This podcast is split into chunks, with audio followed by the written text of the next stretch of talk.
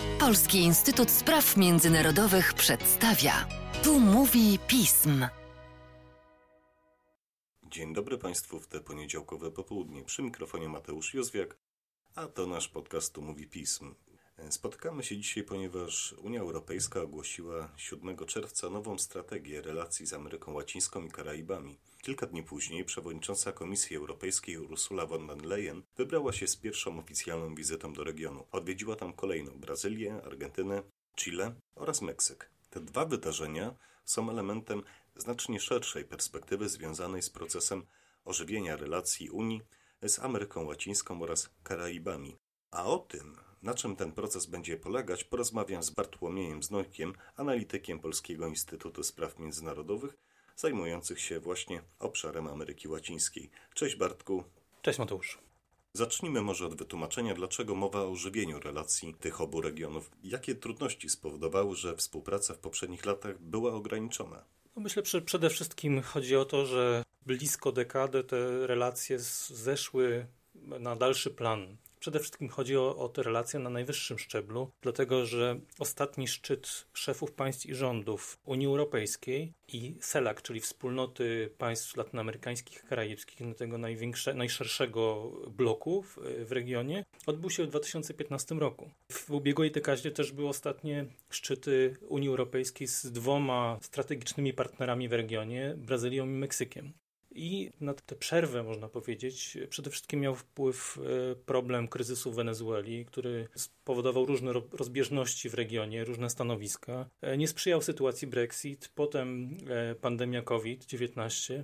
Więc można powiedzieć, że ostatnie lata to jest taka próba, żeby przywrócić czy, czy nadać jakieś ważniejsze miejsce Ameryce Łacińskiej, Karaibom w, w agendzie Unii Europejskiej. I do tego przede wszystkim przyczynił się Josep Borrell, czyli wysoki przedstawiciel Unii do spraw polityki zagranicznej i bezpieczeństwa od końca 2019 roku, a wcześniej minister spraw zagranicznych Hiszpanii. On argumentował, że widzi takie poczucie w Ameryce Łacińskiej, Karaibach, że e, zostali oni zaniedbani przez Unię Europejską i próbował w różny sposób e, tę sytuację zmienić, między innymi współpracując z rządami Hiszpanii, Francji i Niemiec. W zeszłym roku w październiku w Buenos Aires odbyło się spotkanie ministerialne Unii Europejskiej i CELAC, na którym przyjęto taki program ożywienia strategicznego partnerstwa obu regionów, obejmujący różne inicjatywy, różne spotkania sektorowe, ale przede wszystkim uwzględniający organizację szczytu szefów państw i rządów obu regionów, pierwszego szczytu od 2015 roku. Niesamowita sprawa. Czasami zapominamy o tym, jak wiele wydarzyło się w perspektywie ostatnich 8 lat. Skoro mówimy o ożywieniu, no to również o spotkaniach, a skoro o spotkaniach, to warto powiedzieć o szczycie, który odbędzie się za niecały miesiąc. Bartku, jak Unia Europejska w swojej nowej strategii widzi kierunki rozwoju swoich relacji z Ameryką Łacińską oraz Karaibami? No, punktem wyjścia e, tego dokumentu jest coś, co się powtarza od dawna, że są to regiony bliskie kulturowo, językowo, bliskie gospodarczo.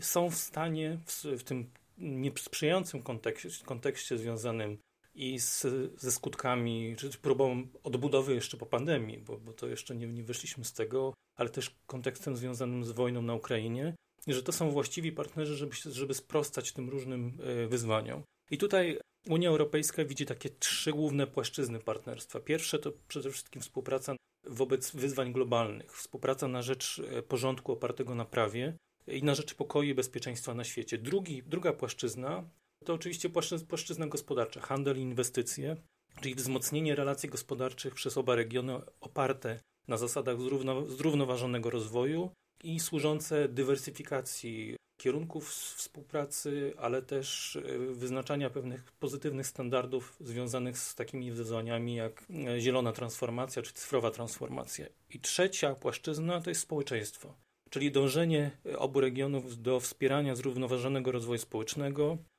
Chodzi o to, że ten rozwój ma być oparty na takiej zasadzie, że to człowiek jest w centrum uwagi. I teraz Unia tutaj definiuje takie sześć głównych celów, kierunków tej współpracy. Po pierwsze, nowe zaangażowanie polityczne, czyli to, co już wspomnieliśmy, powrót do szczytów obu regionów, ale nie tylko szczytów, w ogóle sprawienie, żeby te spotkania były regularne. I tutaj Unia ma taką propozycję, żeby wprowadzić jakiś mechanizm koordynacji tych szczytów, czyli między spotkaniami nadawać ton, sprzyjać tej cykliczności spotkań na najwyższym szczeblu. E, spotkania oczywiście z poszczególnymi partnerami. E, większa uwaga poświęcona Karaibom, bo tutaj ze strony państw karaibskich jest taka diagnoza, że w momencie, kiedy Zjednoczone Królestwo wyszło z Unii Europejskiej, a to był bardzo ważny partner Karaibów, no to to zainteresowanie Unii tamtą częścią świata się zmniejszyło. I e, współpraca w różnych gremiach globalnych, Światowej Organizacji Handlu, w ONZ, bardzo szerokie spektrum tej współpracy. Drugi cel, kierunek, to jest wzmocnienie współpracy w sferze handlu i to najważniejsze są umowy stowarzyszeniowe z różnymi partnerami. I mamy teraz na liście Chile, które umowa została podpisana w zeszłym roku i jest w trakcie weryfikacji prawnej i tłumaczeń.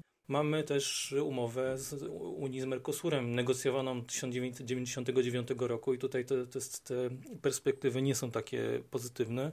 Jest umowa z Meksykiem, ale też kwestia ratyfikacji przez, przez pozostałych członków Unii Europejskiej umów z Ameryką Środkową, Kolumbią, Peru, więc e, ten wachlarz e, jest tutaj dosyć duży. Ponadto e, to jest też kwestia rozwoju współpracy związanej z zapewnieniem dostępu do kluczowych surowców. Bo jeżeli mówimy o transform zielonej transformacji, to mamy listę kluczowych surowców e, metali ziem rzadkich, które są po prostu niezbędne do tych technologii używanych do, do transformacji. I trzecia sfera, trzeci cel to są inwestycje zielone, inwestycje w zieloną transformację, w cyfrową transformację i ważna, ważna tutaj rola jest wielkiego programu inwestycyjnego Unii, który się nazywa Global Gateway i to jest odmieniane przez wszystkie przypadki w dokumentach unijnych, w, różnych wypowiedziach. Chodzi tutaj o i zapewnienie wysokich standardów.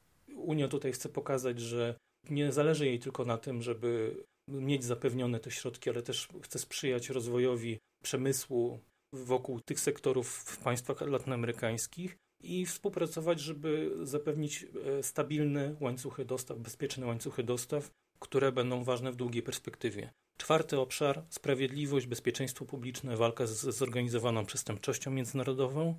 Piąty obszar promocja pokoju, bezpieczeństwa, demokracji, rządów prawa, praw człowieka i pomocy humanitarnej. I tutaj y, warto zwrócić uwagę na coś, co się pojawiło pierwszy raz w dokumentach unijnych dotyczących relacji z Ameryką Łacińską i Karaibami, to jest problem dezinformacji. Unia tutaj chce współpracować z regionem, żeby przeciwdziałać ingerencją i manipulacją zagranicznych podmiotów, czyli w domyśle w Rosji czy Chin, co jest dużym problemem na przykład w okresie wyborów. I wreszcie szósty, szósty cel, szósty kierunek tej współpracy to budowa kontaktów międzyludzkich, czyli postawienie na młodych, na promocję kultury, dyplomację parlamentarną oraz relacje społeczeństwa obywatelskiego i think tanków. I tutaj Unia wymienia fundację EULAC, z siedzibą w Hamburgu jako instytucję, która ma sprzyjać tej współpracy. To bardzo szerokie i ambitne podejście i powinno mieć odpowiednie odzwierciedlenie również w spotkaniach. A skoro o spotkaniach mowa, to co o podejściu Unii Europejskiej mówi podróż przewodniczącej Komisji Europejskiej do Ameryki Łacińskiej? Z jakim przekazem tam pojechała? Co wynika z tej wizyty? Była to pierwsza tak duża wizyta od dłuższego czasu, od wielu lat tak wysokiego przedstawiciela Unii Europejskiej, pierwsza w ogóle Ursuli von der Leyen w regionie. I oczywiście główny przekaz był taki, że Europa wraca do Ameryki Łacińskiej i Karaibów, że jest zainteresowana zacieśnieniem współpracy. I oczywiście powtarzała ona te elementy, które się pojawiły w strategii, czyli współpraca na rzecz zielonej transformacji, e, transformacji cyfrowej, współpraca w sferze polityki klimatycznej i ochrony bioróżnorodności. Tu oczywiście się pojawiała e, e, Amazonia, Także kwestia zaawansowania tego programów liberalizacji gospodarczej, czyli umów, o których wspominałem. Natomiast e, warto zwrócić uwagę, że rzeczywiście e, pojawia się ta, ten program Global Gateway jako taka marka Unii Europejskiej w regionie. Von der Leyen tutaj mówiła o wsparciu w ramach tego programu e, sektorów zielonego wodoru i litu w Ameryce Łacińskiej. W przypadku transformacji cyfrowej wspominała o connectivity, czyli łączności. Przykładem tutaj jest podwodny światłowód Ela-Link e, łączący Portugalię i Brazylię. Ma być on rozwijany, ale też na przykład współpracę w ramach systemu obserwacji satelitarnej Kopernika. I to, co na pewno von der Leyen chciała pokazać, to to, że Unia Europejska może, jest ważnym partnerem i pozytywnym partnerem, takim, który rzeczywiście może wpływać na rozwój tych państw, a nie tylko wykorzystuje ich zasoby. Ważnym elementem jej wizyty było też odnoszenie się do, do wojny na Ukrainie.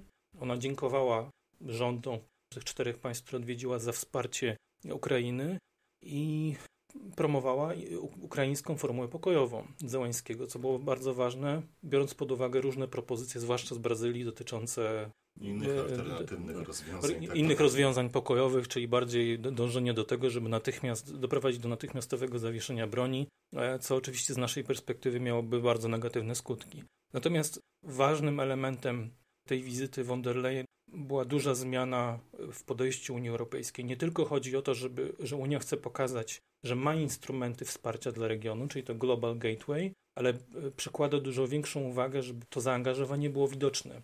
Dlatego, że to nie jest tak, że Unia Europejska nie była w, obecna w Ameryce Łacińskiej. Ona jest wa ważnym partnerem, jest jednym z, z, głównych inwestorów, natomiast miała duży kłopot z tym, jak, jak wypromować to, jak pokazać, że rzeczywiście ta pozycja jest taka duża. I to jest ważny moment, że e, Unia docenia wagę tego, żeby po prostu e, się lepiej promować, biorąc pod uwagę na przykład to, co robią Chiny.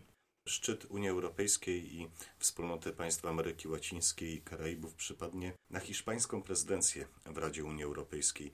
Jakie znaczenie będzie miało to państwo dla ożywienia relacji obu tych regionów e, i w jakich kwestiach można spodziewać się szczególnego zacieśnienia współpracy?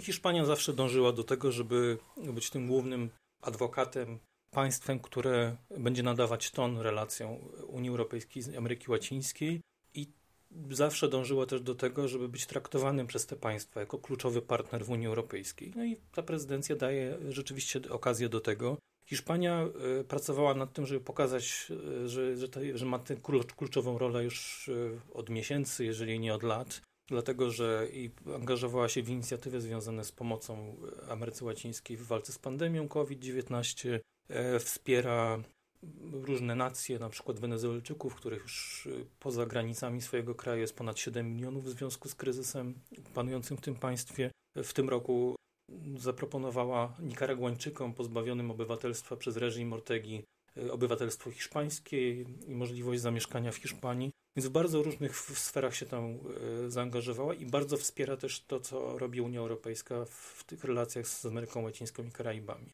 Na pewno Hiszpanii będzie zależeć na tym, na sukcesie szczytów obu regionów. Tu jest taki, taka kwestia, która zapewne spowoduje różne rozbieżne opinie, czyli to, że Hiszpania chce zaprosić wszystkich bez wyjątku, czyli łącznie z przedstawicielami reżimów autorytarnych w Ameryce Łacińskiej, Kuby, Nikaragui i Wenezueli, i to rzeczywiście ten szczyt będzie taką najważniejszą okazją do weryfikacji, na ile duże jest to zainteresowanie rozwojem współpracy i co się może udać, co się nie udać. No, y, myślę, że jest tutaj y, dobra okazja, żeby przywrócić regularność tych spotkań na, na szczycie i nie tylko różnych ważnych mechanizmów w relacjach międzyregionalnych i w jakimś stopniu pokazać, znaczy stworzyć nowe warunki, do odbudowy zaufania, do odbudowy wizerunku Unii Europejskiej jako tego partnera, który jednak się interesuje Ameryką Łacińską. Na pewno będą kłopoty z tymi umowami o wolnym handlu. Tutaj największe szanse są na zamknięcie umowy z Chile. Gorzej będzie z innymi umowami. Są oczywiście takie, no, jest takie myślenie trochę życzeniowe, czy zaklinanie rzeczywistości, na przykład ze strony przewodniczącej komisji, że, żeby zamknąć umowę z Mercosurem do końca roku. Wątpię, że to się uda. To naprawdę jest, jest, jest dużo problemów tutaj. Natomiast tych wyzwań jest dużo, ale takie bym, jedno, jedno bym wyróżnił. To jest to, jak zapewnić, zapewnić długoterminowe zainteresowanie Ameryką Łacińską i Karaibami w Unii Europejskiej. Poza tym okresem prezydencji hiszpańskiej, gdzie rzeczywiście będziemy trochę, mieć trochę, trochę więcej mówić na temat tego regionu. A to jest dobre pytanie. Mamy znacznie e, więcej bliższych nam i z naszej perspektywy spraw, które są istotne, a tu jednak Ameryka Łacińska, no tak jak wspominaliśmy w naszej rozmowie, jest istotnym partnerem. Tak, i tutaj odniósłbym się do takiego e, hasła e, Giuseppa Borrella, że potrzebna jest europeizacja e, relacji Unii Europejskiej z Ameryką Łacińską. Europeizacja w tym sensie, że teraz te relacje według Borrella są, mają charakter taki ziberyzowany, czyli polegają na dominacji Hiszpanii jako tym państwie, które tutaj się angażuje, ale też jest najbardziej zainteresowane. Więc chodzi o to, żeby poszerzyć to zainteresowanie regionem na inne państwa Unii Europejskiej. Wspominasz o wezwaniu do europeizacji tych relacji. Może w ramach podsumowania, na zakończenie, powiedz nam jeszcze trochę o tym, dlaczego chociażby takie państwa jak Polska miałyby się bardziej interesować zacieśnianiem tej współpracy. Jakie właściwie mogłoby to nieść korzyści, jaką perspektywę dla Polski, dla Europy Środkowej? Widzę tutaj na pewno e, możliwości w trzech obszarach. Pierwszy, który zawsze był ważny w relacjach Polski z, z partnerami latynoamerykańskimi, to jest, to jest sfera gospodarcza. Czyli jakiekolwiek postępy w liberalizacji e, handlu między Unią Europejską a Ameryką Łacińską, no to na pewno stwarzają nowe możliwości dywersyfikacji kierunków czy zaangażowania polskiego biznesu. I to na pewno jest coś, co jest obiecujące. Obiecujące jest właśnie to, to zainteresowanie Unii Europejskiej tymi szczegółowymi obszarami, czyli sfera zielonych technologii i sfera cyfrowa. Drugi, y, taki, druga taka korzyść, która też jest obecna już w relacjach Polski z tymi partnerami, to są kontakty międzyludzkie, przede wszystkim w sferze naukowej, sferze akademickiej. Jakiekolwiek rozszerzenie tych możliwości przez Unię Europejską, czy zwiększenie finansowania, stworzenie nowych instrumentów będzie korzystne dla Polaków, którzy chcieliby nie wiem, studiować czy współpracować w różnych projektach nie wiem, innowacyjnych z, z partnerami latynoamerykańskimi. Trzecia sfera, może nie jest taka oczywista teraz, e, to jest sfera dialogu politycznego. Bo ten dialog polityczny oczywiście funkcjonuje w relacjach Polski z regionem, natomiast wydaje mi się, że jesteśmy w takim momencie, który daje większe możliwości i nawet daje więcej powodów, żeby te relacje polityczne, dialog polityczny Polski z partnerami latynoamerykańskimi był intensywniejszy. Chodzi mi przede wszystkim o kontekst, jaki e, przyniosła wojna na Ukrainie. Dlatego, że okazało się, że, że stanowisko państw latynoamerykańskich jest dla nas ważne. Mamy tutaj pewne rozbieżności ocen i chcielibyśmy jednak, żeby państwa latynoamerykańskie wspierały nas choćby w większej presji na Rosję. I ta potrzeba, żeby lepiej się rozumieć, lepiej rozumieć stanowisko jest większe. Przykład idzie z samej Ukrainy, dlatego że rząd Załańskiego widać, że pracuje nad tym, żeby e, zacieśnić dialog z partnerami latynoamerykańskimi. Myślę, że to jest jakiś model, który, na który warto patrzeć z punktu widzenia głównych sojuszników Ukrainy, czyli na przykład Polski. Ale e, drugi element, którym tak zamknął e, taką klamrą, to jest taki, że Polska prezydencja w Unii Europejskiej jest zaplanowana na pierwsze półrocze 2025 roku, a jeżeli zostanie przywrócona cykliczność szczytów Unii z Selakiem, to kolejny szczyt przypada właśnie na 2025 rok. Szczyt jest planowany e, w Kolumbii, natomiast e, będzie to jeden z elementów, e, w którym Polska będzie zaangażowana w ramach trójki, która wcześniejsza prezydencja aktualna i, i przyszła. I myślę, że to jest duża szansa na to, żeby Polska trochę bardziej się zaangażowała w, spra w sprawę relacji z tym regionem, ale też zyskała, bo to na pewno jest coś, co może wzmocnić jej pozycję w Unii Europejskiej. O przyszłości relacji Unii państw Ameryki Łacińskiej oraz Karaibów myślę, że przyjdzie nam jeszcze porozmawiać. E, z pewnością porozmawiamy jeszcze o nadchodzącym szczycie, a właściwie o efektach tego szczytu. Tymczasem jednak chciałbym bardzo serdecznie podziękować Ci, Bartku, za dzisiejsze nagranie. Dziękuję. A Państwa zachęcić do śledzenia naszej strony internetowej, czytania najnowszych biletonów i komentarzy, śledzenia mediów społecznościowych, w tym naszego kanału na YouTube. A z mojej strony to wszystko. Dziękuję Państwu za uwagę i do usłyszenia.